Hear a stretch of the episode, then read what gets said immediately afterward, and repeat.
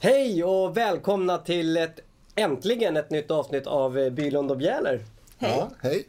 Kul att se er igen. Detsamma, detsamma. Tack. Vad, vad kallar vi det här? Sommarspecial? Ja, ett extra sommaravsnitt. Vi fick ju inget extra sammanträde. Så ett Nej. extra sommaravsnitt.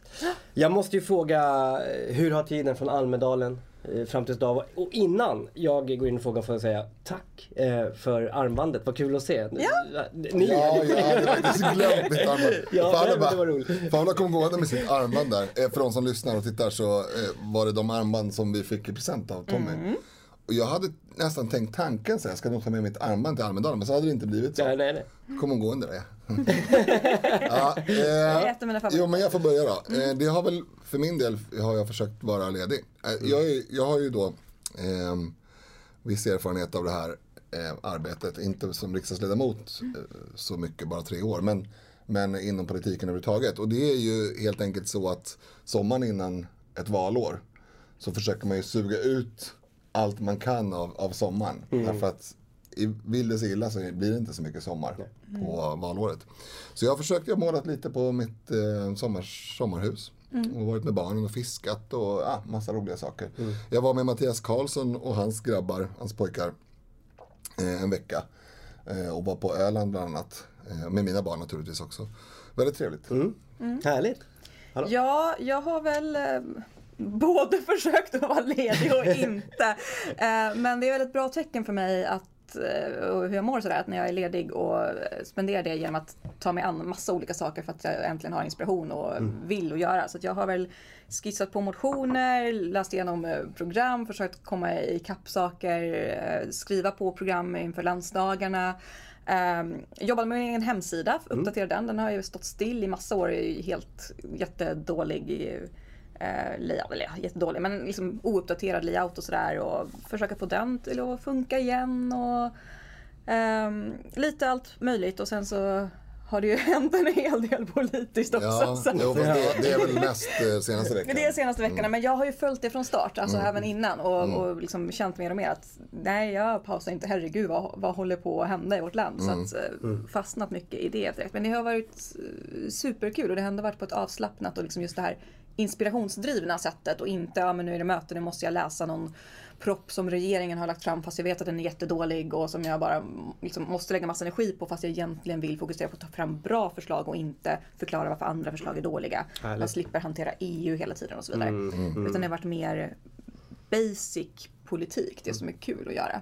Vad härligt. Ja, väldigt härligt. Eh, nu när du var inne på det, jag tror att väldigt många är intresserade av att höra. Eh, Just det som du eh, och ni var inne på den här senaste veckan. Ja, Vad är Och då det som tänker jag, så här, då tänker jag koppla det här till att jag, du var då med från början säger du. ja Och jag, jag gjorde ju tvärtom. Jag, tänkte så här, jag, jag håller mig på den nivån som jag kan att jag kan vara något över så att säga grannar och sådana man träffar. Så att jag har lite bättre koll än så här, gemene man. Men, i- men inte mer än så. För att, ja, men just för att ni vet hur det blir. Eh, eller du vet framförallt hur det blir. Man fångas in i det där och så kan man inte ägna sig åt så. åt så mycket annat. Och om man då har ansvar för tre barn och, och har planerat att idag ska vi bada, fiska, måla på huset, äta en god grillmiddag och så vidare. Då vet man att det här, den här planen fallerar ju totalt om jag börjar ägna mig åt någonting. Eh, så jag har försökt hålla mig. Och därför, eh, så, och det tror jag många har gjort.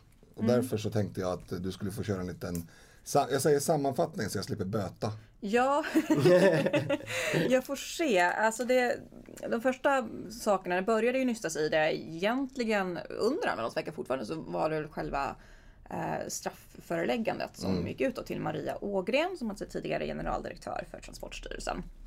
Och det är väl då det började nystas lite smått i media och sen har det ju bara rullat på mer och mer. Eh, om man tar det rent konkreta först vad som har hänt på Transportstyrelsen, varför det är viktigt, så är det ju så att ehm, under, eller i början av 2015 så blev det klart att IBM hade vunnit ett upphandlingsavtal om att eh, hantera Transportstyrelsens IT-lösningar. Ehm, det har tidigare skötts internt. Trafikverket har varit IT-ansvarig för eh, Transportstyrelsens eh, olika, ja, allting de har med, som har med deras IT att göra, deras register, all information som de hanterar. Um, men nu har det alltså lagts ut, det har outsourcats, det har lagts på en privat aktör, det var IBM som vann den upphandlingen. Uh, därefter, så för att man ville pressa på och komma igång med det här så snabbt som möjligt, så insåg man att uh, om man skulle följa de säkerhetskrav som finns med att man faktiskt granskar alla personer som ska ha tillgång till Transportstyrelsens information, så skulle det uh, tydligen ta för lång tid, tyckte man. Så att man beslutade internt på Transportstyrelsen ehm, att försöka gå vidare. Man la fram förslag till eh, styrelsen, ja, för Transportstyrelsen då, eh, och generaldirektören att göra vad man kallar avsteg från lagen. Mm. För att då slippa säkerhetsgranska personer som ska hantera den här informationen. Och eh, generaldirektören skrev under det här. Och det skedde väl i slutet av sommaren 2015. Eller i mitten av sommaren 2015 ungefär. Slutet av sommaren, augusti, så började de första då mm, de första personerna som jobbar på, för IBM i utlandet eh, få tillgång till, alltså just få den här icke-säkerhetsklassningen utan ändå få tillgång till våra system. Mm. Eller till, ja, våra, då menar jag ju svenska myndigheters system. Det är det som det handlar om. Um, så för att sammanfatta det kort då så har vi alltså haft en generaldirektör som har skrivit under på ett beslut där det framgår tydligt att det här kommer innebära brott mot lagen. Eh, man kallar det avsteg från lagen. Eh, och inte vilka lagar som helst utan personuppgiftslagen, eh, säkerhetsskyddslagen. Och alltså hantera säkerhetsklassad känslig information. Uh, både då för rikets säkerhet men också känslig information för medborgare. Mm. Uh, om sjukdomar, det har varit personer med skyddad identitet som har eh, liksom fått, fått den potentiellt röjd. Där har det ju också dessutom framkommit att Transportstyrelsen har slarvat med det här eh, på fler sätt än ett. Inte bara i samband med, med upphandling utan de har skickat ut kompletta register över alla, all information de har hos sig, alla fordon de har registrerade. Eh, sen har man kommit på att de här registren innehöll information om eh, personer med skyddad identitet. Och istället då för att skicka ut ett mejl bara kan ni radera de registren ni fick, det var felaktiga. Så har man skickat ut ett särskilt register där man har sagt att de här personerna har skyddad identitet. Kan ni vänligen ta bort dem ur era exemplar av registret? Ja, plus att det då finns slaskinformation som kanske inte är jätterelevant för någon men som är viss integritetskränkning när man till exempel om man har epilepsi eller ja. Eh, diabetes och så vidare så finns ju det i körkortsregistren oh ja. också. Nej, men det är jättemycket och som sagt det som har varit är alltså utländsk personal har, som inte har en sån här säkerhetsklassning Uh, ja, minst en har ju haft det fast då från Serbien för han är, ja. han är för detta yrkesmilitär i Serbien som samarbetar med Ryssland. Um, har då kunnat få tillgång till system uh, och register över där det finns även då militär känslig information.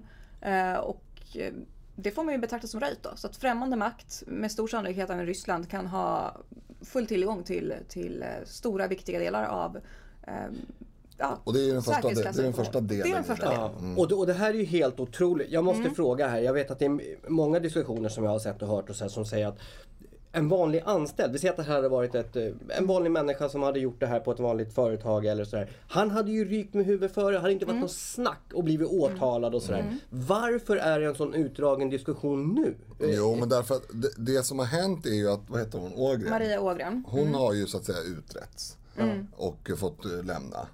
Ja, alltså hon fick ju lämna sin post eh, när det uppdagades då eh, att det var en förundersökning på gång.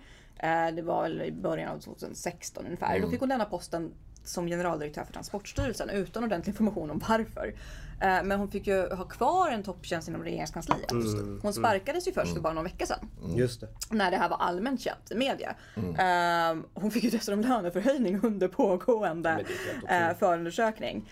Um, och dessutom då så har hon ju inte bara då fått vara kvar och har en stor fallskärm och har hög lön nu också. Uh, utan det straff som hon skulle kunna få då.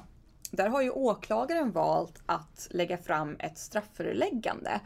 Uh, så att hon kommer undan med 70 dagsböter. Uh, vilket är den summa det landar på är alltså ja, mindre än vad hon får i månadslön. Mm. det är det hon kommer undan för. Och det har ju också varit extremt ifrågasatt. Varför. Och där ska man komma ihåg att strafföreläggande, det är det finns eventuellt någon möjlighet för att överklaga men det är extremt sällan som det, det mm. sker.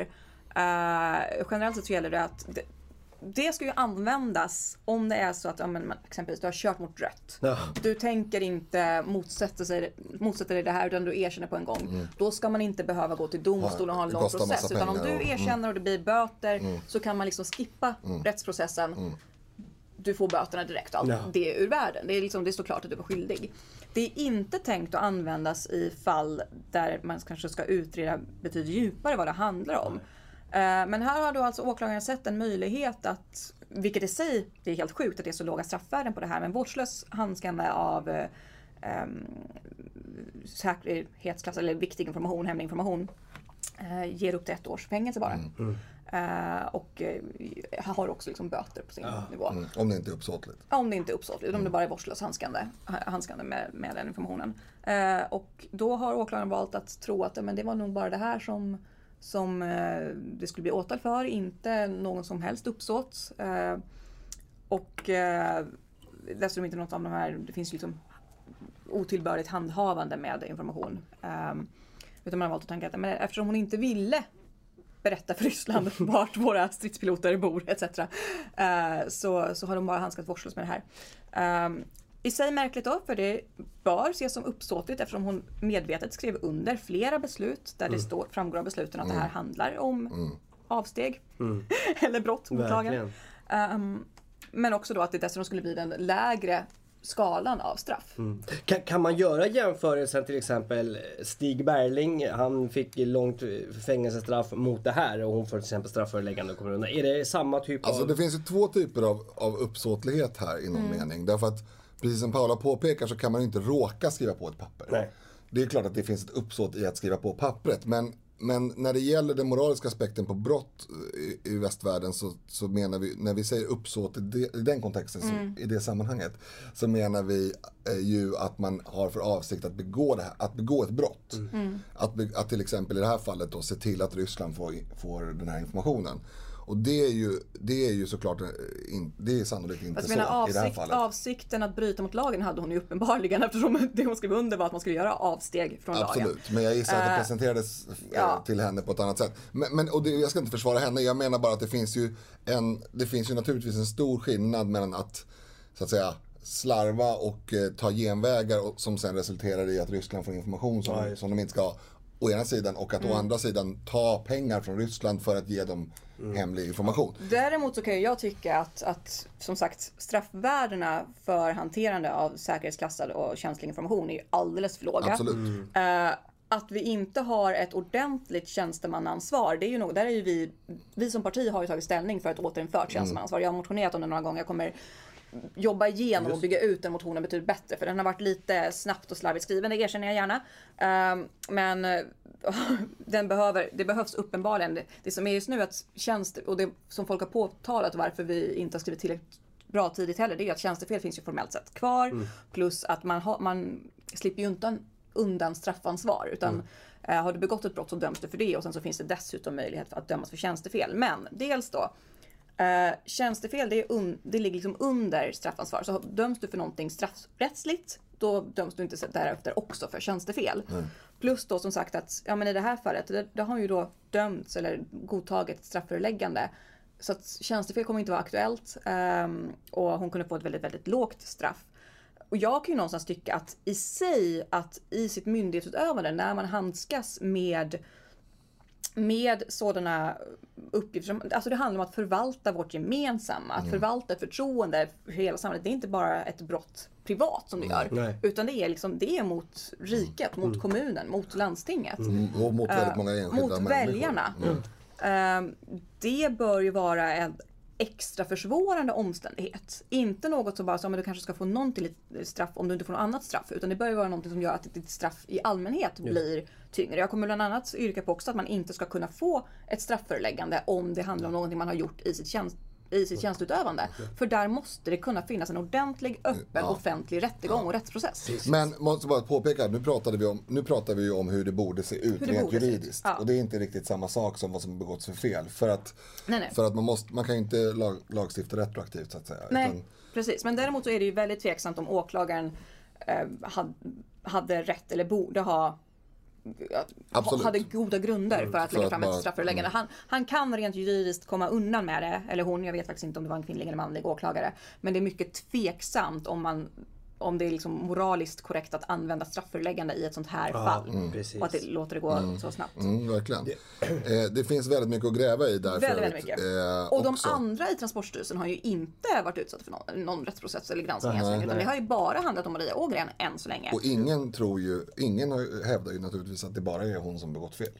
Så att det är ju också mycket märkligt. Eh, Och det kommer återkomma till en diskussion att det här är absolut inte någonting som är över. Nej. Nej. Men, men nästa steg då? För det är, väl det, det är väl det man kan säga att som har varit mest rabalder om och som har skrivits mest om senaste veckan. Precis, och, och som kommer fortsätta skrivas om och, och granskas och så vidare. Eh, det som har hänt därutöver är att i slutet av förra veckan så började det skrivas väldigt, väldigt ordentligt kring dels då vad visste ansvarig minister för Transportstyrelsen? Vad visste infrastrukturministern? Anna Johansson. Eh, och hon har ju hävdat att hon visste ingenting förrän väldigt, ja, i år väl egentligen, början av året. Hon skyllde på någon... Hon skyllde på sin statssekreterare som redan har fått sparken. Ehm, för att han, eh, vad var det han fick sparken för? Han hade, Han hade rest en massa. rest en massa. Just ah, det, var det hennes? Ja. Ja, okej. Och eh, han, ja, vi inte... Nej, det är en annan. Men det var väldigt smidigt att kunna skylla allting på honom och hävda att han har inte fört informationen vidare. Um, då börjar man lyssna i det. Sen så kom det också fram att det har ju funnits ministrar som har haft kännedom. Anders Ygeman som eh, fram tills eh, igår då var eh, inrikesminister och också den som är ansvarig för krissamordning. Han fick veta det här i ja, förra året någon gång. Början förra januari, året. tror jag. Januari. Ehm, Det är ändå alltså, det är alltså mycket mer än ett år. Mycket mer än ett år sedan. Ja. Eh, och eh, i helgen, om det var i söndags tror jag, såg de första rubrikerna om att även då försvarsministern Peter Hultqvist har fått, haft kännedom om det här sedan om det är mars förra året eller något sådant. Uh, bägge de här sitter i eh, säkerhetspolitiska rådet som är instiftat av statsministern. Och då har ju såklart frågor ställts vidare att om det har funnits ministrar som har känt till det här.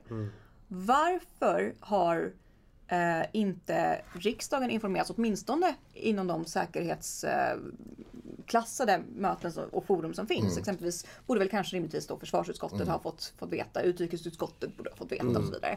Ehm, varför har, har inte statsministern fått kännedom om det här tidigare? För det hävdar han ju att han inte har haft. Han säger att han fick det först i januari i år. Eh, hur fungerar egentligen en regering där frågor som rör rikets säkerhet, läckor av eh, oerhört känslig och viktig information, det känner man inte till. Den informationen får man inte vidare. Ansvarig minister får inte veta. Statsministern får inte veta. Eh, man kanske har Ja, tagit sitt ansvar Alltså- och agerat så att säga för, för att försöka minimera skadorna. Men man måste ju säkerställa att, att man har ett helhetsgrepp, att alla med ansvar vet. Mm. Eh, det är för mig helt oförståeligt hur man inte har gjort det här. Och Men det är också inte det lite som symptomatiskt att, att eh, regeringen, i, även i andra frågor, tycks inte förstå det här att de är underställda riksdagen. Mm. Det är väldigt ofta som de agerar så som att de är någon sorts chefer för riksdagen. Trots Oh, att ja. det egentligen är tvärtom. Särskilt när det är en, en, en sån, Ja. Sån Men menar, de har ju uppenbart inte ens lyckats informera varandra, vilket är jättemärkligt. En väldigt så här Mm. eh, enkel fråga som jag tror är väldigt uppenbar. Men eh, apropå den här information, bristen Mm. på information så sa ju Anders Ygeman bland annat att eh, det fanns ingen lämplig lokal. Ja, jag, har, jag har skrivit ner anteckningar här. Det, det Mm. finns ju två ganska roliga Ja. grejer som, som, har, som har sp- spunnit på i sociala Mm. medier. Och det ena är ju då att hon, hon eh, skyller på Bromander. Johansson Mm. skyller på sin, sin, statssek, sin statssekreterare Bromander. Mm. Som ju då hade fått sparken. Lägligt nog så var ju inte han kvar. Mm. Eh, men där har ju, det har ju fått lite spinn. Folk, folk skriver, jag förstår, är en, av, vår- en av våra tjänstemän, en av våra tjänstemän skrev att jag kom sent till jobbet idag. Bromander glömde ringa och väcka mig. Sådär. Det, och det är ju jätteroligt. Men, eh, men det roligaste kanske är Ygemans försvar att när han, när han får frågan varför han inte har informerat statsministern om det här så, så säger han till journalisten att det krävs särskilda lokaler för, för den här typen av information. och det kan man ju tycka, absolut. Och det skulle ju kunna motivera att det har dröjt 12 timmar mer än vad det borde. Ja. Eh, eller något sånt. Inte Men ett år. liksom ett, ett drygt år. Eh, Anders har bara alltså- gått och letat lokal. Man kan ju skratta åt det här men det är ju Jo, jag det är helt. Alltså, det jag har vill ju bara också- göra den ja, poängen precis. att det Jag har ju finns också roliga saker skrattat här. en hel del för att det är så sjukt för det är Ja, det, det är enda absurt. sättet att hantera det. Och det vare sig det varit någon ny, ny information om att det här fanns också i de läckta registren eller kring hur regeringen hanterar det här så blir det ju man är ju bara så matt så man kan ju bara skratta åt det och gråta om det om vartannat. Ja, Nej, men jag, jag är ju av den åsikten att även, även allvarliga saker finns det små ljusglimtar i som man kan skämta om. Jag, jag tycker att de här två skylla ifrån sig metoderna är, är de är ju patetiska naturligtvis. Ja, det är Eh, och, helt- det är, och det är alltid roligt. Men Alltså, det, som är, det som är fallet nu då, som har varit absolut liksom senaste veckan nyss, eh, eller sen helgen, och det, ja, det är ju senaste veckan nu då, det är ju just det här att, bara så vi avslutar det. Det kom, framkom information att det finns väldigt mycket kritik att rikta mot Anna Johansson, mot Anders Ygeman, mot Peter Hultqvist. Eh, I måndags så gick ju jag och vi eh, genom mig då ut och sa det att om de här tre statsråden, givet den information vi har tillgänglig nu, eh, om inget nytt framkommer i de möten som de hade kallats till i sina respektive utskott eh, och inget annat så här extremt framkommer fram tills då att, att riksdagen öppnar, då kommer det första vi gör när riksdagen öppnar vara att begära misstroendevotum mot de tre. eh, Och dessutom statsministern som låter dem sitta kvar i sin regering. För att det är ju helt sjukt att han som statsminister kan ha förtroende för, för ministrar som inte informerar honom om, eh, om säkerhetsläckor av den här digniteten. Eh, alternativt för en, en minister då som inte har koll på sitt departement. Eh, detta möttes ju då i tisdags av att Alliansen gick ut och sa att eh, de begär misstroendevotum mot de här tre ministrarna. De försökte slå på trumman och säga att vi har minsann inte agerat. För att, eftersom- Sverigedemokraterna. Att Sverigedemokraterna inte har agerat. eh, för att eh, vi, vi bara sagt att vi ska lägga ett misstroendevotum. Roligt där, dels för att de också egentligen bara sa det då. De, de hade ju faktiskt inte hunnit lägga det själva. Plus att de har ju den möjligheten eftersom de eh, Man kan, minst- man kan kalla till ett extra sammanträde för riksdagen. Vi har ju st- stängt nu. Misstroendevotum lämnar man in när riksdagen är öppen och behandlar när riksdagen är öppen. Eh, man kan kalla till ett extra sammanträde. Det sker på en begäran antingen från regeringen till talmannen eller 115 riksdagsledamöter till talmannen. Vi är inte 115 riksdagsledamöter i Sverigedemokraterna så vi var så att säga tvungna att vänta till dess att riksdagen öppnade. Och det hade vi redan aviserat att vi skulle göra. Ja, ja, det, hade- det var ju sagt att det första som händer där. Men då agerade, då agerade Alliansen för att inte tappa den bollen. Det var säkert rent kommunikativt smart. Ja, ja, det var smart och, och journalisterna har ju gått på det eftersom ingen, ingen av journalister... Några har sagt det. Det väl, ja, men den gängse rapporteringen är Alliansen har begärt det här, Sverigedemokraterna säger Stödjer. stödjer Ja, det. mm. Eh, Jo, men och så det är ju roligt. Ehm, ja, nej, men det, det är mycket i den här soppan. Hur tycker ni hur de hanterade presskonferenserna då som har varit? Jag har ju... Oj, oj, oj. Alltså Alliansen skötte väl sin, sin första presskonferens bra, Ja, får man säga. Ja. Ehm, och Socialdemokraterna, eller statsministern hade ju en presskonferens på, i måndags. Det var ju efter den som jag gick ut och kommenterade med det här hotet. Eh, eller löftet. och ehm, den var ju egentligen inte någonting kring hur hans minister och hans regering hade skött det här. Utan tillsammans med då eh, Säpochefen, um, Försvarsmakten eh, och eh, den nya eh, generaldirektören för Transportstyrelsen. Och handlade i princip bara om att lugna folket. Att berätta att vi hanterar den här situationen. Man har försökt spinna det lite grann från framförallt då Transportstyrelsen och, och socialdemokratiskt och, och socialdemokratisk media håll till att det här är ju inte alls farligt. Titta nu här, det, ju, det finns ju ingenting som tyder på att det har läckt.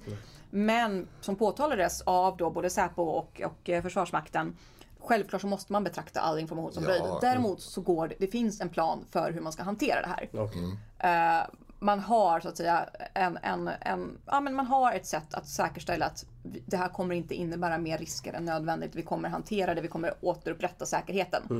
Det finns ju bara en sak som är mer skadlig än information som har läckt. Och det är information som har läckt som man låtsas inte har läckt. Ja, just det. Att man inte betraktar Exakt. den som läckt. Exakt, att, att, att gå runt och säga att nej men den här, det finns ju ingenting som säger att, att någon skulle ha Glöm det. Ja, precis. Har det kunnat läckas då måste vi betrakta det som att det är läckt. Ja. Vi måste utgå från att Ryssland spåra- vet allt det här som spåra de skulle kunna veta. Nej. Ehm, eller för den del annan främmande makt.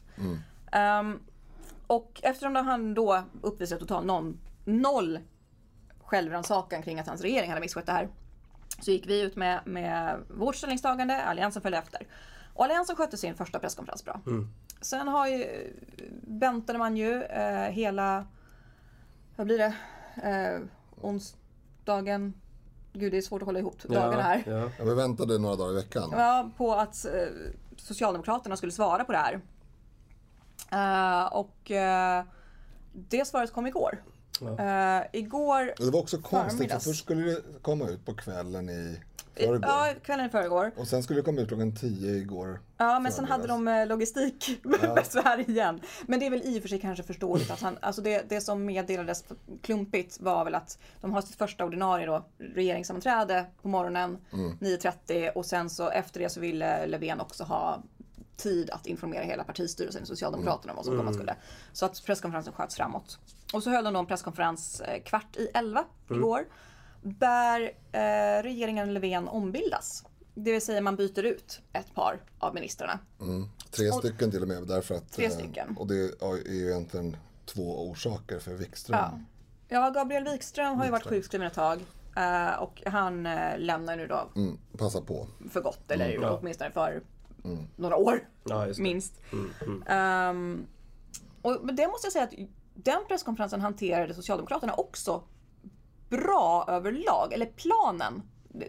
Det, det de presenterade var smarta drag Ja, det, absolut. Det är inget snack om. Men däremot så Hur var det ju... Löfven hanterar det hela. Han är ju Precis. uppenbart, det här du pratade om tidigare, den här arrogansen och att, att eh, man sätter sig över riksdagen. Det var någon journalist som frågade med vilken rätt låter du Hultqvist sitta kvar? För att, ja, som sagt, Peter Hultqvist sitter ju då kvar i regeringen. Ehm, och Löfven blev ju förbannad på den frågan. Och han, han ljög faktiskt lite grann där. För han sa att eh, det är jag som statsminister som, som, eh, och regeringen som tillsätter och avsätter statsråd, ingen annan. Men riksdagen kan faktiskt avsätta statsråd. Det är det ett misstroendevotum handlar om. Ehm, och det var inte det enda Nej, det var ju... Det var ju tveksamheten han sa. nej, men så här. Mm. Eh, De, över, jag pratar så mycket. jag tycker deras eh, hjärntrust som har kommit fram till den här strategin Mm. Har ju, jag, jag, jag kan peka på ett eh, fel som jag också har skrivit på Twitter som jag tycker man gjorde. Men i övrigt så var det väldigt smart agerat. eh, Givet alla förutsättningar. Det betyder inte att det var bra för de har ju klantat till det väldigt ordentligt. Men, men givet de förutsättningar som rådde igår morse så var det ju faktiskt smart. Ehm, det var det ena. Men det andra är hur, hur Löfven hanterar, hur Löfvens person hanterar eh, media och frågor från media som är lite knepiga. Därför att han är ju, han måste ju inse att bara hans blotta uppenbarelse är ju lite, lite, lite bitter, lite arg, lite stor, lite burdus. Och då måste man jobba med att ens övriga maner tonar ner det, inte tvärtom. Så han såg ut liksom som en, en ja jag ska inte säga vad, en, en arg person som, som eh, ja men eh, arg och osamlad och o, osäker. När han eh, svarade på de här frågorna. Så det var nästan så att mina barn och jag satt och tittade på det här. Eh, vi hade liksom planerat utifrån presskonferensen så att vi skulle äta frukost i rätt tid. Men nu vart det ju lite krockar eftersom de flyttade på det. Men, men hur som helst, de, de blev nästan rädda. Vad, vad är det här för farbror? Ehm, och, och det var ju känslan att han inte riktigt hanterar det. Han, han röt ifrån eh, flera gånger på ett sätt som, alltså, och, till och med innan journalisten hade börjat ställa frågor Ja. så röt han ifrån till Just det. journalist. Om ni kan vara tysta. Ja, kan ni förlåta mig prata till punkt? Då, då signalerade man ju från början, jag är inte riktigt trygg i det här. Nej. Jag är arg redan när jag ställer mig här. Ja. Och det är ju väldigt, det är ju väldigt dåligt. Alltså, jag menar att mediaträningen eh, lämnar övrigt att önska. Det var dessutom, eftersom jag inte exakt när det här var, eh, så röt han ifrån om att de pratade när han precis hade presenterat det enda helt nya namnet som stod framme. Och det är väl kanske inte så märkligt att journalister börjar så här, vem, vem är det här? just då. Ja, just det var det, precis när man det. presenterade den nya migrationsministern. Bi, Ja. Bisak, men ja. Det har ju pratats väldigt mycket om eh, KU, konstitutionsutskottet. Det har pratats mycket om misstroendevotum. Eh, för det första, vad är konstitutionsutskottet och vad innebär ett misstroendevotum? Ja, bra. Ehm, alltså, Löfven försökte ju flera gånger under den här eh, presskonferensen, även i andra sammanhang, blanda ihop de här två sakerna. Att det är oseriöst att begära misstroendevotum eh, mot en minister eller flera när det, när det ska behandlas i KU. Och inte eh, är färdigt så att säga. Och det är inte, helt, det är inte sant. Det är inte oseriöst. Därför att det är två helt olika saker. Det kan vara, de kan vara väldigt besläktade men det kan också vara helt olika saker. Eh, därför att KU ska ju bara titta på, alltså konstitutionsutskottet ska ju se om man har följt konstitutionen, det vill säga grundlagen. Eh, medan misstroendevotum kan man väcka mot en minister för att man inte har förtroende. Och förtroende är inget juridiskt. Förtroende är en, en sammantagen bedömning av en massa faktorer.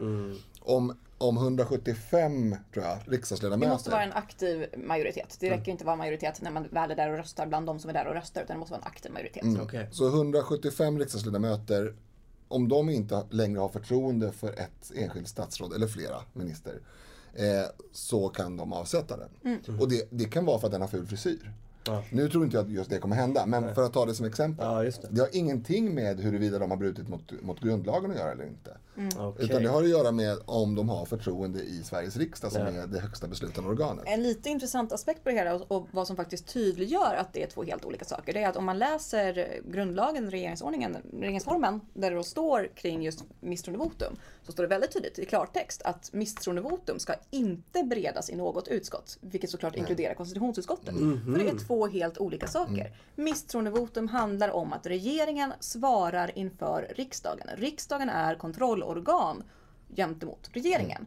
Generellt sett på, på regelbunden basis så ska konstitutionsutskottet sammantaget hela tiden granska, se till att eh, regeringen håller sig på banan. Men uppstår det extraordinära omständigheter så är det klart att ett förtroende kan ryka på en gång. Skulle det framkomma att Stefan Löfven själv hade liksom suttit och fikat med Putin och lämnat över massa register, inte fasiken skulle man vänta på någon KU-granskning Nej, då. det. skulle man ju avsätta direkt. Det, det är det ena. Det andra är att det är alltid bra med hängslen och li- livrem. Nu har vi gudskelov ett väldigt okorrumperat eh, samhälle i Sverige, i alla fall i, i, jämfört med andra länder.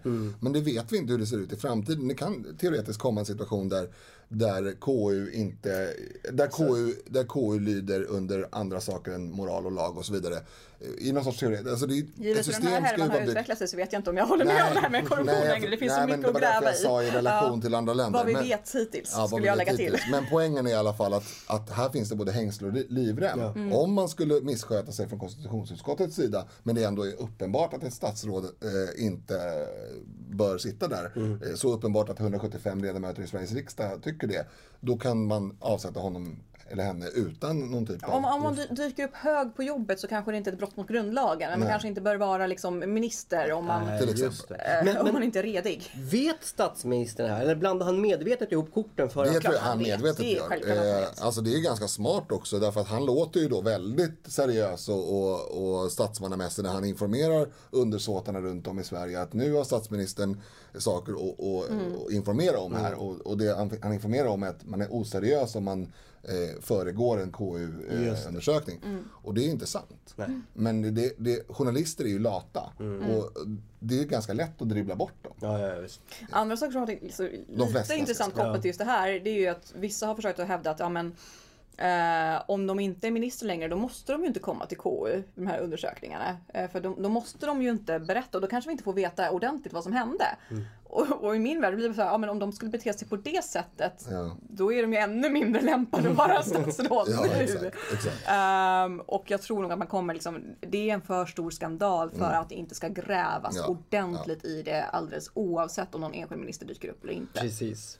Apropå, eller inte apropå det direkt, men, men finns det fler inblandade i era ögon? i det här? Absolut. Ja. Ja, jag började titta på det här lite senare än Paula och jag tittade på vilka som var ansvariga på olika dep- departement och så vidare. Mm. Och om jag förstår det rätt så är Damberg egentligen chef över, eller var chef då över Johansson. Stämmer? Eftersom, eh, eftersom han är departementschef. Mm.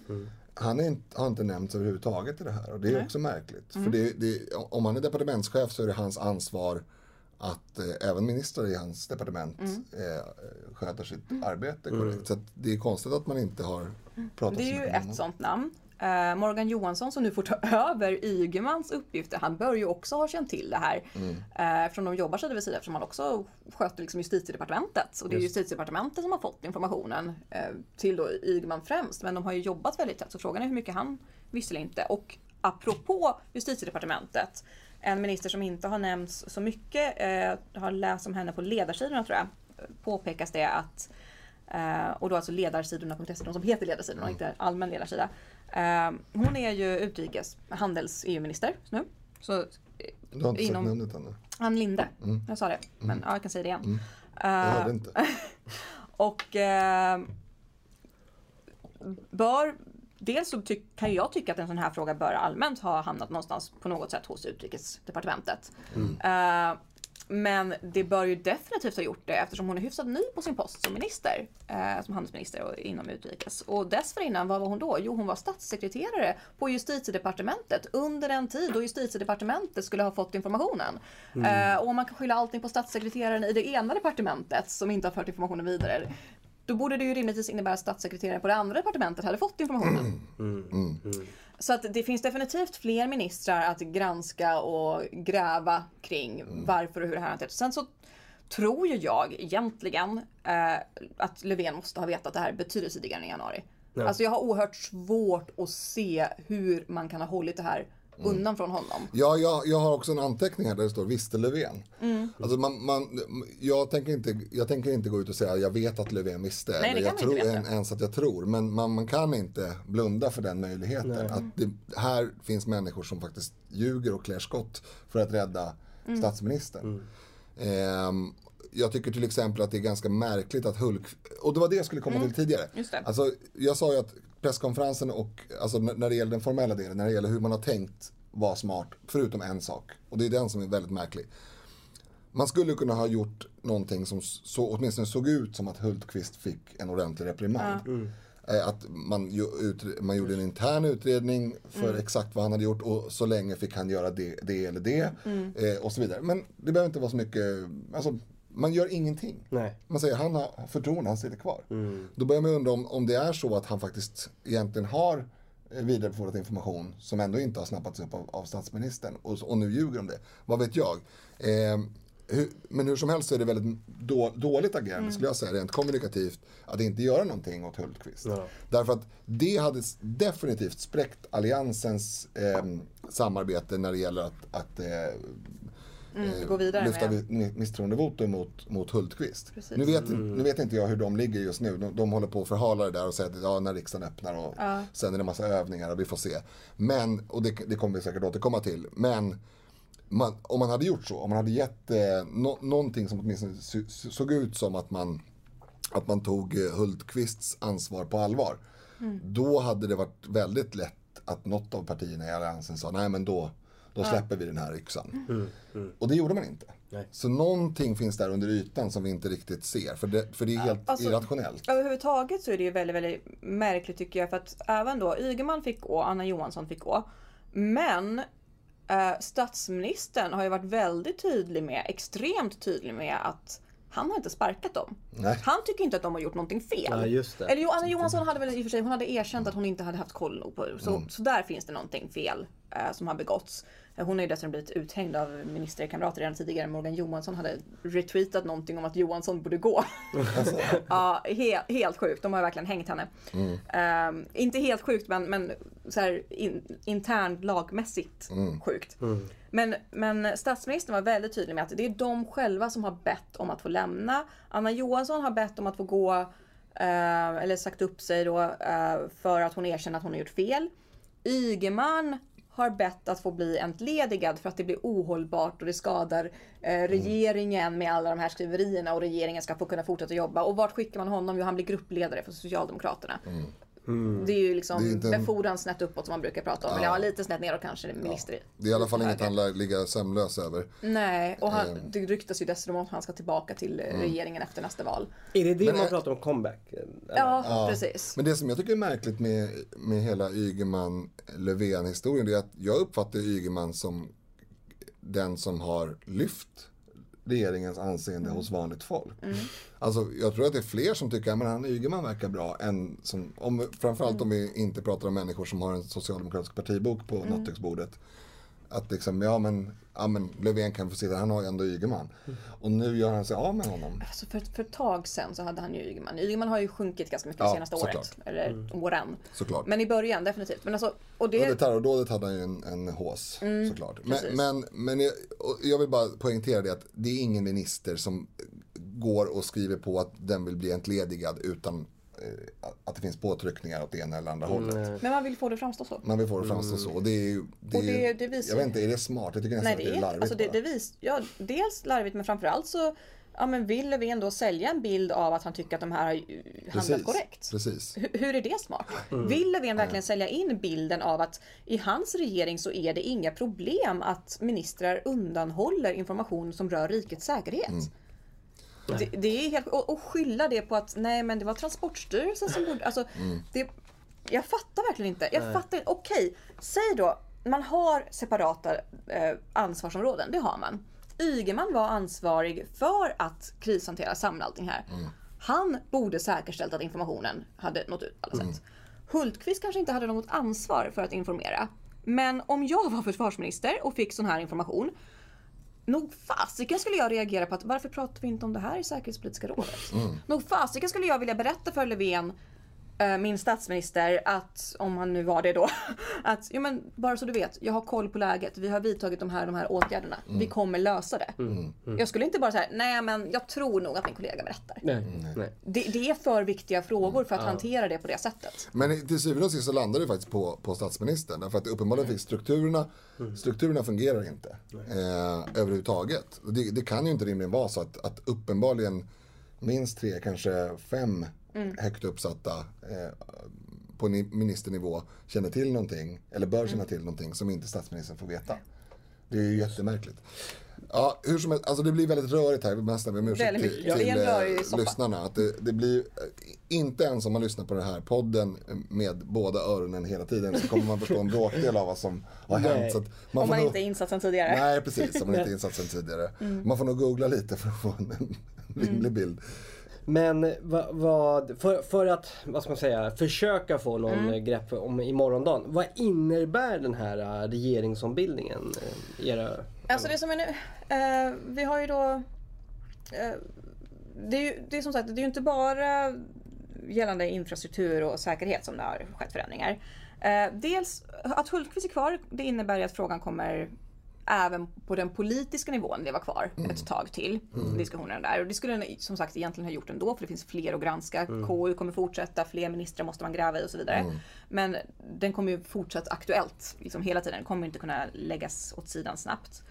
Ehm, och det kommer vara tyvärr också fortsatt snack kring det politiska spelet. Om alliansen gör det här för att de inte vill bilda regering eller för att de vill bilda regering. Och, och är det bara taktiska drag och skadskjuter man varandra eller tar man säkerheten på allvar? Det är ju liksom tyvärr där mycket av det här har handlat. Och att man försöker från väldigt många håll dribbla bort det till att det, säkerhetsskandalen var inte så stor egentligen. Det, är, det har inte varit så stora missar som har skett. Utan det här handlar bara om att Sverigedemokraterna vill alltid bråka och alltid avsätta. Och, och Alliansen, ja men de, de måste visa att de har några muskler inför valet. Så att, Ja, det är ju trist det såklart. Men, partipolitiska spelet kommer tyvärr fortsätta. ja, men jag tror också att, att Löfven har missbedömt det här lite grann när det gäller Hultqvist. Därför att det kommer ju inte finnas en debatt om något ämne som på något sätt liknar detta. Där inte det kommer upp. nej. Alltså det, det är ju problematiskt för honom att stå och försvara det här eh, hela tiden. Eh, och, och vid sidan om det så finns det ju en otrolig mängd smutstvätt att, att eh, dyka i för journalisterna. Just. Så det kommer ju komma upp saker hela tiden, kontinuerligt, åtminstone till valet skulle jag säga. Eh, det hade varit smartare och jag tror så här, den gamla plåstermetaforen, att om man har ett, ett plåster och ska ha bort det så kan det vara smartare att rycka. Alltså det smartaste för sossarna, om jag hade varit deras här tankesmedjechef, styr, Spinndoktor. Då hade jag ju valt att offra Löfven istället för Ygeman och Hultqvist. Mm. Och sagt att nej, men, Ygeman och Hultqvist informerar visst. Det är Löfven som bär ansvaret. De skulle då eventuellt kunna sitta kvar, återupprätta någon slags förtroende, visa mer så här, hur de har agerat. Mm. Eh, Magdalena Andersson, som vi pratade om redan i Almedalen, skulle kunna för tidigt då få ta över partiledarposten. Man skulle kunna liksom bygga något slags nytt. Det, det, Det, hade skulle väl ju jag... vara en världsnyhet dessutom Jag hade för att det försökt skulle det. vara Sveriges första skulle få första kvinnliga statsministern på det sättet. Men ja, tack och lov så, så är inte jag socialdemokratisk spinndoktor. Nej, och jag tror inte att du ska hålla på och sitta och ge dem en massa tips. Nej, nu är det väl lite för Dessutom tror jag att Löfven personligen är för tjurskallig för den. Men Det är bara en personlig teori. Eh, men alltså en, en intressant aspekt av det här, om jag ska lämna just Transportstyrelseskandalen lite grann och, och gå in på vad som är intressant för mig, är ju att man passade på att byta migrationsminister. Eh, Eftersom Morgan Johansson tog över massa saker från Anders Ygeman så kunde han inte ha kvar migrationsposten längre. Och där plockar man in um, kommunalstyrelsens ordförande från Kri- Kristianstad. Som eh, dels anses vara från vänstersidan inom socialdemokratin. dels har hon jättemycket erfarenhet. Så hon, eh, hon är skicklig på det här. Hon 25 kan det. Hon har jobbat eh, på ledande position eh, lokalt. 25 år. Hon har varit nere i haft mycket goda kontakter med EU för att det finns mycket liksom, lokalt som kopplas samman dit. Hon har suttit i, i Socialdemokraternas partistyrelse i jag vet inte hur många år. Eh, gammal räv så att säga. Ehm, och det man lyfter fram på presskonferensen är dels att hon är en slug förhandlare, vilket kommer behövas i EU. Fast det Sa var ju även. Löfven också. så- Jo, jo, men, men i det här fallet så, så verkar det finnas mer fog för det.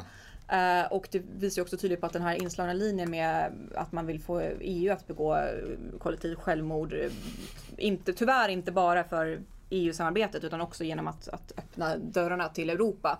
Eh, kommer man fortsätta försöka driva på så mycket som möjligt. Man lyfte också när man presenterade henne eh, fram specifikt att hon har goda erfarenheter av att samarbeta med Centerpartiet och Liberalerna lokalt. Hon har förhandlat över blockgränserna och specifikt med de partierna. Den kombinationen att hon får migrationsministerposten och är van att samarbeta med Centerpartiet och Liberalerna är en väldigt intressant signal. Eh, oroväckande signal. Så där, där kommer jag hålla mina ögon väldigt mycket framöver. Mm, jag förstår. En annan person som fick mer ansvar, åtminstone formellt, var ju Annika Strandhäll. Precis. Eh, men jag vet inte, det var ju mer formellt eftersom hon ju efter Gabriel Wikström eh, meddelade att han är sjukskriven eh, på obestämd tid för utbrändhet, vilket såklart är beklagligt, så fick ju hon ändå tillförordnad eh, roll som, som eh, socialminister. Hon, är- hon var ju tidigare socialförsäkringsminister och eh, kopplad till mina frågor. Eh, jag vet inte, det, det kanske är smart, alltså jag tror så här att jag tror att det var, hade det varit en längre tid kvar på mandatperioden så hade det varit dumt. För jag tror att, ehm, att det blir för, skulle bli för mycket. För det är extremt, två extremt tunga Ja. eh, utskott i det här fallet. Socialutskottet och so- socialförsäkringsutskottet, åtminstone de delar som inte rör migration. Det är jätte, jättemycket. Eh, och Migration också ganska mycket. Absolut. Ja, Men men menar, ja, det har ju inte ja, hon. precis. Men det är väldigt mycket för en minister. Och vi har dessutom vårdkris. Just det. Eh, oavsett vad Socialdemokraterna och Annika Strandhäll själv eh, säger och tycker om att vi har vård i världsklass och allt annat är fake news. Så tycker inte människor det. Och det, det är det viktiga. Eh, och där blir det tufft för, för eh, Annika. Och jag, jag, jag tycker bra om henne. Vi har, vi har eh, såklart samarbete i, i och med utskotts, att hon är ansvarig för utskottet. Och jag tyckte mig se att hon var ganska trött här på presskonferensen. Nu kan man, nu- det kan ju naturligtvis vara en dagsform.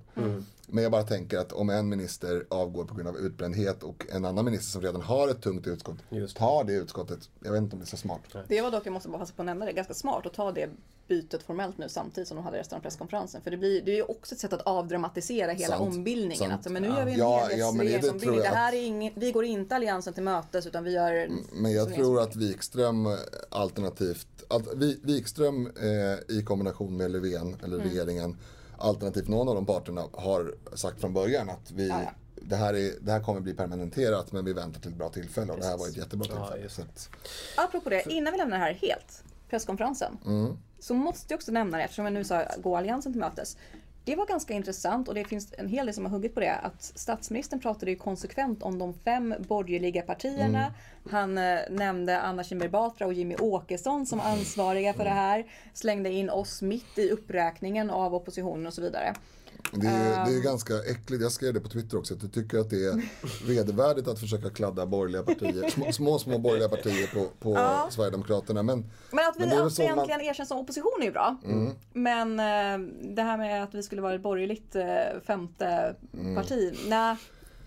Då kan man ingenting om, om Sverigedemokraterna. Men, Men, det, det, är ju, det är det, sossarnas... det är ett tydligt tecken på att sossarna är desperata. De tycker Mm. jag inte om det. att vi tar deras väljare. Nej. och de vet ju det att vi, vi är ju ett mittenparti. Vi är det nya arbetarpartiet. Vi är störst i LO. Mm.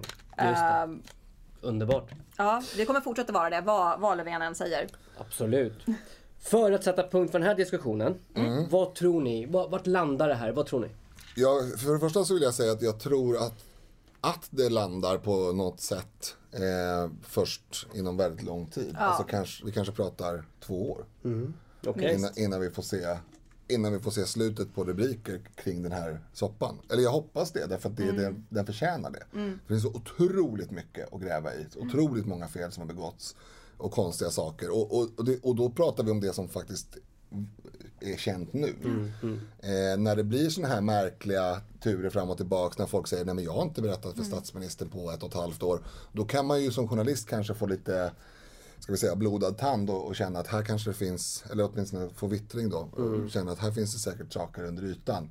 Så att det här kommer ju grävas i. Ja men och framförallt som sagt det är ju bara startskottet för en större utvärdering. Det här handlar inte bara om Transportstyrelsens brister. Det här handlar om en myndighetskultur, en förvaltningskultur, en, en, eh, En rättsskandal, faktiskt. hur man ser på ja, men strafföreläggande, brottslighet. Vad, massa lagar som kommer behöva uppdateras Mm. för att man har låtit dem förfalla och uppenbart ha så pass stora luckor att det har skapats en kultur inom den offentliga förvaltningen där man missbrukar minsta lilla hål i lagboken.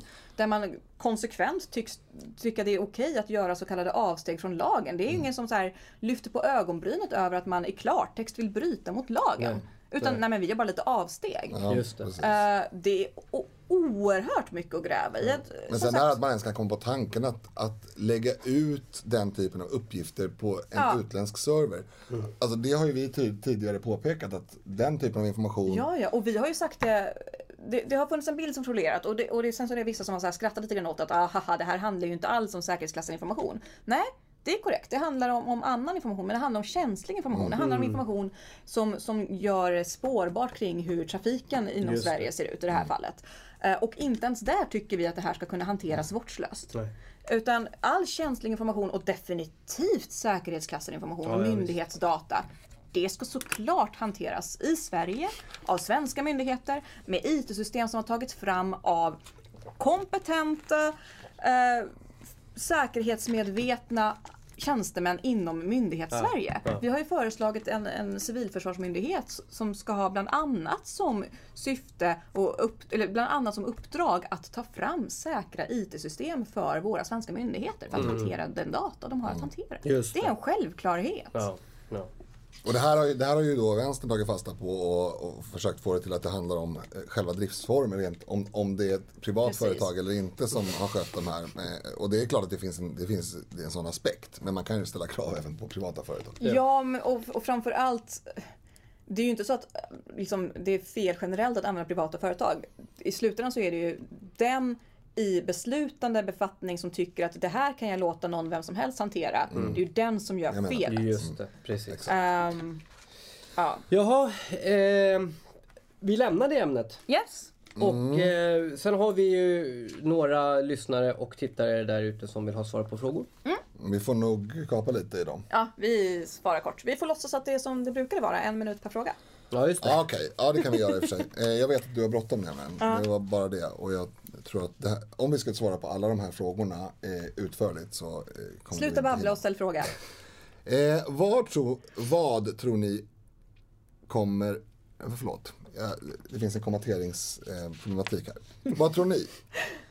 Kommer SD lyckas värva fler erfarna politiker från Alliansen eller kanske satsa på nya förmågor utanför politikersfären snabbt? Ja, till bägge. Både Ja. Ja, men det är klart, vi, vi är ju ett öppet parti för de som eh, vill driva vår politik och visar sig tro på det vi tror på och stå bakom vårt principprogram. Jag tror dock att det är väldigt svårt att som utanför politikersfären, eh, om man inte är väldigt, väldigt så att säga namnkunnig, väldigt känd, eh, komma in i Sverigedemokraterna på ett sånt sätt så att man syns.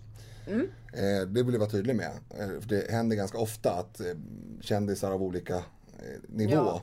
Eh, signalerar att man Jag har fått frågan några gånger så att ja, men jag, jag kan gå bli- med om jag får ja. komma på riksdagslistan. Bara, Nej men hörru du, så, så Då funkar det har man inte. fastnat i 2006. 2006 hade det kunnat funka. Kanske. Kanske. Eller 2000. ja. Men absolut att vi kommer värva personer och absolut att det finns kompetenta personer som skulle kunna hamna Absolut. högt upp. Det kommer, det kommer, hända, det kommer hända innan valet. eh, Förhoppningsvis flera. Mm. Ehm, Okej, då kan du läsa nästa. Yes. Det är bra för det är en lång och jag pratar snabbt. Vilken är er politiska åsikt som skiljer sig mest från partiets? Jag menar då inte exempelvis att ni vill ha vänstertrafik fast partiet vill ha högertrafik, även om den åsikten skiljer sig totalt, utan en uppmärksammad politisk fråga. Eh, Jag förstår såklart om ni inte vill besvara den frågan och bäst är väl kanske det om ni har något som avviker rejält från partiets linje som ni inte vill gå ut med offentligt. Så jag tycker i alla fall att frågan är intressant och är väldigt nyfiken på ett eventuellt svar. Passa på att tacka för podden, tack så mycket. Eh, som verkligen är något att se fram emot på fredagarna. Mm, härligt. Jag tror vi gör ungefär samma eh, fråga där. Mm. Det, det finns ju såklart, eh, bara säga innan det. Det finns såklart en massa frågor där man inte tycker exakt som partiet och det Mm. ska man kunna tycka. Eh, och det finns såklart frågor där man Mm, om man är väldigt tydlig kan Mm. säga att jag tycker, jag håller inte med partiets eh, linje här men jag, kan, jag företräder naturligtvis partiets linje. Mm. Ehm, ja det finns en massa saker men ehm, jag tror att eh, när det gäller adoptionsfrågan för samkönade par så är väl du och jag på ungefär samma linje. Ja, jag brukar ju generellt kanske vara extra noga med att, att inte gå ut och säga någonting där jag inte håller med partiet eftersom jag sitter i verkställande utskottet. Och just den här frågan är ju dessutom, jag har varit familjepolitisk talsperson, det är jag inte längre. Eh, Men jag har också gått ut tidigare offentligt med att jag har en avvikande hållning i just den frågan och också väldigt tydlig med när företräder jag partiet och inte. Och eh, jag har Kortfattat skrivit ett långt blogginlägg om det där jag också förklarar varför. Eh, och det handlar ju då om att jag har landat i slutsatsen att ska man se till barnets bästa så visst, jag kan köpa att en mor och far eh, är liksom idealfallet att ha tillgång till. Eh, men jag tycker inte det ska vara en uteslutande faktor att det handlar om ett samkönat par.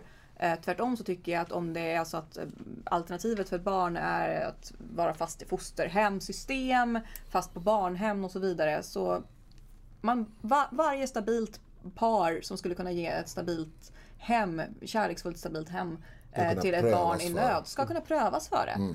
det Jag håller ja. med fullt ut. Det, jag kan till och med tänka mig att höja själva kraven. För att det är alltid Mm. barnets, barnets bästa som ska hamna i första rummet. Men inte, det, är inte, det är inte ett relevant krav. Nej.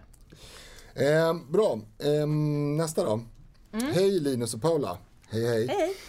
Jag undrar hur ni tänker om möjligheten att anordna ett toppmöte mellan Dansk Folkeparti, Samfinländarna och Sverigedemokraterna i Sverige nästa år inför valet. Nationalister brukar ofta anklagas för att vilja isolera sina länder och vara emot frihandel. Ett toppmöte mellan era tre nordiska partier inför 2018 skulle kunna bli en potentiell PR-kupp. Samfinländarna har nyligen gått igenom ett partiledarskifte där man bytt ut hela eh, den före detta SD-skeptiska ledningen för partiet och därmed gått från ett landsbygdspopulistiskt parti till ett parti som mer ideologiskt liknar SD. Har ni några tankar? Med vänlig hälsning, long, long time listener, first time caller. Ja, vad roligt. Ehm, ja, nej men det förhoppningsvis är det väl inte helt omöjligt. Vi har ju gjort motsvarande, framförallt kanske med Dansk Folkeparti när de har haft val.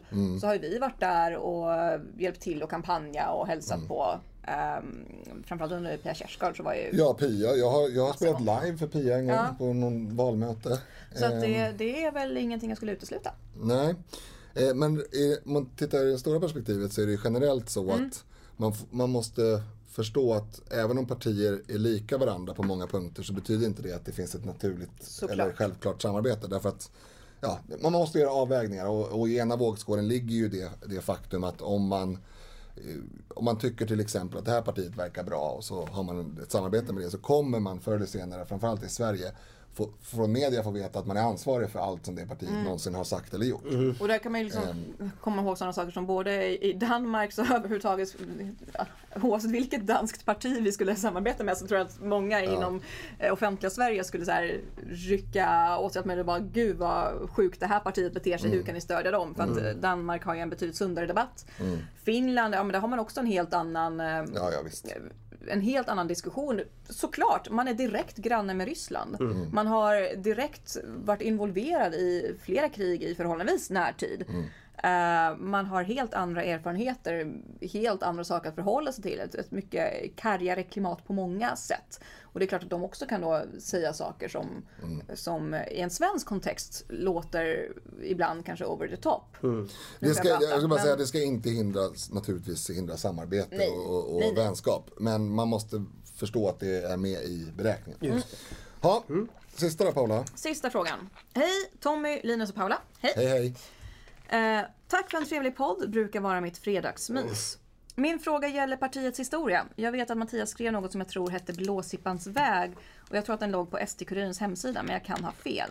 Jag läste delar av den men kan inte hitta den längre. Kan vara att jag har fel på namnet och var den är var uppladdad. Har nämligen fått fråga från nyare medlemmar om att vi ska göra upp med vår historia och då har jag velat hänvisa till den med denna text. Eh, men inte hittat den. Någon ni kanske skulle kunnat eh, ta upp lyfta i er superbraiga podd. Tackar för de fina orden. Blåsippans Eh, väg har väl du skrivit? Blåsippans väg har jag skrivit och det är en Ja. låt. Men en det, låt. jag tror inte att den skriften som, som ehm, hänvisas till här är en låt. Utan Nej, det, det är nog- jubileumsboken Ja, för det är nog 25-årsjubileum. Precis. Vi fyll, när vi fyllde 25 år, för ungefär fem år sedan för övrigt, Mm. eh, snart, eh, så gjorde Mattias en, eh, Mattias med flera, en eh, inte jättetunn men en, inte heller bokartad Mm. skrift med partihistorien. Som var väldigt intressant. Den hette, Jag tror den bara hette jubileumsbok. jag tror Sverigedemokraterna 25 år eller något Ja, sånt där. Ja. något sånt. Eh, och eh, där var det, jag, kom, jag kommer ihåg, eh, jag har den hemma tror jag. Jag också. Eh, jag har finns- den till och med i eh, digitalt format för jag var ju ansvarig för SD-Kuriren och den en har sorts, legat jag kan där. säga, det är en sorts embryo till en vitbok. Det är en embryo till ett, ett embryo till en vitbok. Ehm, och eh, en vitbok ehm, är ju då en genomgång av, Ja, av allt, både bra och dåligt. Eller egentligen så är väl en vitbok genomgång primärt av det som är dåligt. Men, men ehm, jag vet inte om den finns online. jag ska erkänna att jag vet faktiskt inte heller vad som har hänt med alla turer när vi har uppdaterat vår hemsida fram och tillbaka. Ehm, men eh, det ska väl inte vara helt omöjligt att få fatt den igen. Nej, det, alltså den Eh, finns som ju såklart i mjukt Den, format. den som- finns i mjukformat. Jag har, jag har den eh, digitalt någonstans. Det är jag fullkomligt övertygad om. Mm. Men nu vet vi Eh. inte vem som har skrivit det här, men det verkar ju vara en person inom partiorganisationen. Mm. Så att eh, vi får väl egentligen hänvisa till att mejla till antingen ja, info kanske. Ja, eh, och sen så eh, Apropå den större frågan då om att vi ska göra upp med vår historia så, så ja, det avslöjades väl under Almedalen. Ja, det finns ett pågående projekt där. Att det finns, eh, det är väl lite grann på gång med att vi rekryterar för en större och mer riktig eh, vitbok. Men där är ju också problemet att det, det är lite svårt från oss att komma ut och säga att det här... Sverigedemokraterna ska inte skriva sin egen vitbok Nej. helt eh, utan inblandning av, av så att säga yttre, pa, yttre Vi ska part. såklart då, komplettera med våra perspektiv men det måste ju finnas oberoende, oberoende statsvetare eller liknande som, som gör det. Och det kan ni ju säkert eh, räkna ut att det inte är jättelätt att rekrytera eh, Nej. hur många oberoende statsvetare som, som helst. Mm. Eh, så det pågår. Mattias Karlsson har ju också bara som ett snabbt inspel eh, en väldigt bra föreläsning eller vad man ska säga. Just det, den ligger på Youtube va? Just det, exakt om partiets historia. Den kan väl vi twittra ut kanske från eh, Det kontot? bestämmer vi nu Mm. att vi gör. Jag bestämmer att du gör det för det är du som brukar sköta det. Jag bestämmer att du skriver och jag publicerar. Jag har ju, jag har ju barn här idag. Ja, ja. Hon sitter och väntar på mitt rum och dricker choklad. Det brukar väl vara som, vanligt, som utlovat i podden. Här kommer länken till Mattias föreläsning. Precis. Nu har jag skrivit det. Så. Eh, min sista fråga till er. Hur ser resten av eran sommar ut? Ja, jag, har ju, jag har ju en jättehärlig sommar framöver eh, fortsatt. Ja. Jag har fjällvandring. Eh, vilket egentligen är lite så tveksamt om man får göra för att då har man ju inte mottagning på en hel vecka. Fast det blev ju inget extra sammanträde. Precis, alltså, det, det hade ju kunnat, eh, det hade faktiskt kunnat ehm, bli så att jag inte kunde åka iväg. För att om det här eh, Transportstyrelsen-historien hade, inte hade dött lite grann i alla fall, eh, åtminstone den akuta fasen, så hade jag ju varit tvungen att vara tillgänglig. Men nu verkar det i alla fall inte bli någon, någon eh, sammankallande av riksdagen just under den veckan. Ehm, jag har, ehm, jag ska vara hos min mor eh, med barnen i Örnsköldsvik. Jag ska åka till Italien. Det kom jag på bara för några veckor sedan. Så det är helt nytt. Jag, jag kommer verkligen tömma mitt, alla mina besparingar på resor. Eh, men det, jag, jag, har liksom, jag bestämde någonstans när jag separerade med mina barns mor, som inte var sådär resugen, att ekonomi får aldrig stå i vägen för resor. Det är inte så bra för privatekonomin. Men, men, men en resa är aldrig bortkastad. Nej. Så tänker jag. Och det är den säkert. Det kanske är korkat att tänka så. Men jag, så här, jag vill uppleva saker. Så jag ska till Italien med, ehm, med en tjej. Ehm, och vi ska ha lite roadtrip och sådär. Härligt. Och det är väl det. Sen har jag en lång utskottsresa till USA och Mexiko. Ja. Utskottsresan ska jag också vara med på Mm, just slutet det. av sommaren om vi börjar i den änden. Och fram tills dess så ska väl jag fortsätta med mitt eh, icke-semestrande genom att semestra genom att, att eh, jobba med politik och eh, plugga. Eh, för det har jag också tagit tag i lite grann nu när det är ledigt. Jag har några tentor jag ska försöka skriva och lite inledningsuppgifter som ska in och sådär. Ehm, Nej men och sen fortsätta med, med ja, min hemsida med gräva motioner och sådär. Jag kommer ju ha den här försvarsövningarna som nämndes då i samband med att Ja, misstroendeförklaringen nu kommer vara mitt under dem. Jag är ju aktiv inom hemvärnet Ja. som ni vet så att jag kommer ju vara iväg på, på övning då och det sammanfaller Kanske ju utan med försvarsminister. Kanske, jag kanske kommer behöva be om permission för att avsätta försvarsministern. Jag tror nog aldrig det har hänt tidigare. Ehm, Men, eh, men det betyder att jag kommer inte ha fullt så mycket tid de veckorna att, att finputsa mina motioner. Utan de måste jag vara färdig med långt innan. Jag kommer ju såklart jobba även då men kanske inte helt fullt ut eh, på samma sätt som man är fri nu. Eh, sen så ska jag väl även ha iväg, jag ska vidare på mer sånt i höst. Så jag kommer behöva göra väldigt mycket nu under sommaren. eh, för åtaganden som kommer under hösten sen. Eh, men eh, lite semester ska jag ta, ska väl till Danmark några dagar. Ja. Eh, sommarfestivalen kommer såklart vara en blandning av nöje och arbete. Vi kommer ha lite möten i samband med det när vi ändå samlas. Men det kommer Ja. ju såklart, det är ju alltid nöjen också. Så, nej men eh, blandning av Sommaren är inte Härligt. slut helt enkelt. Lite lugnare tempo och inspirationsdrivet arbete. Härligt. Mm. Och de dagarna och veckorna då som inte ni är tillgängliga. Jag började ju faktiskt jobba idag efter semestern så att Mm. jag är ju, då får ni kontakta mig istället. Mm, men du får dock inte gå in på ett extra riksdagsmöte. Nej, nej, nej, absolut inte. Utan här pratar vi Så då bara måste vi liksom. komma in. Ja, Ja. exakt. Bra! Linus Då så. och Paula, eh, underbart som sagt att få vara tillbaks och träffa er igen. Tack för idag. Detsamma. Tack för idag. Tack för idag. Puss och kram.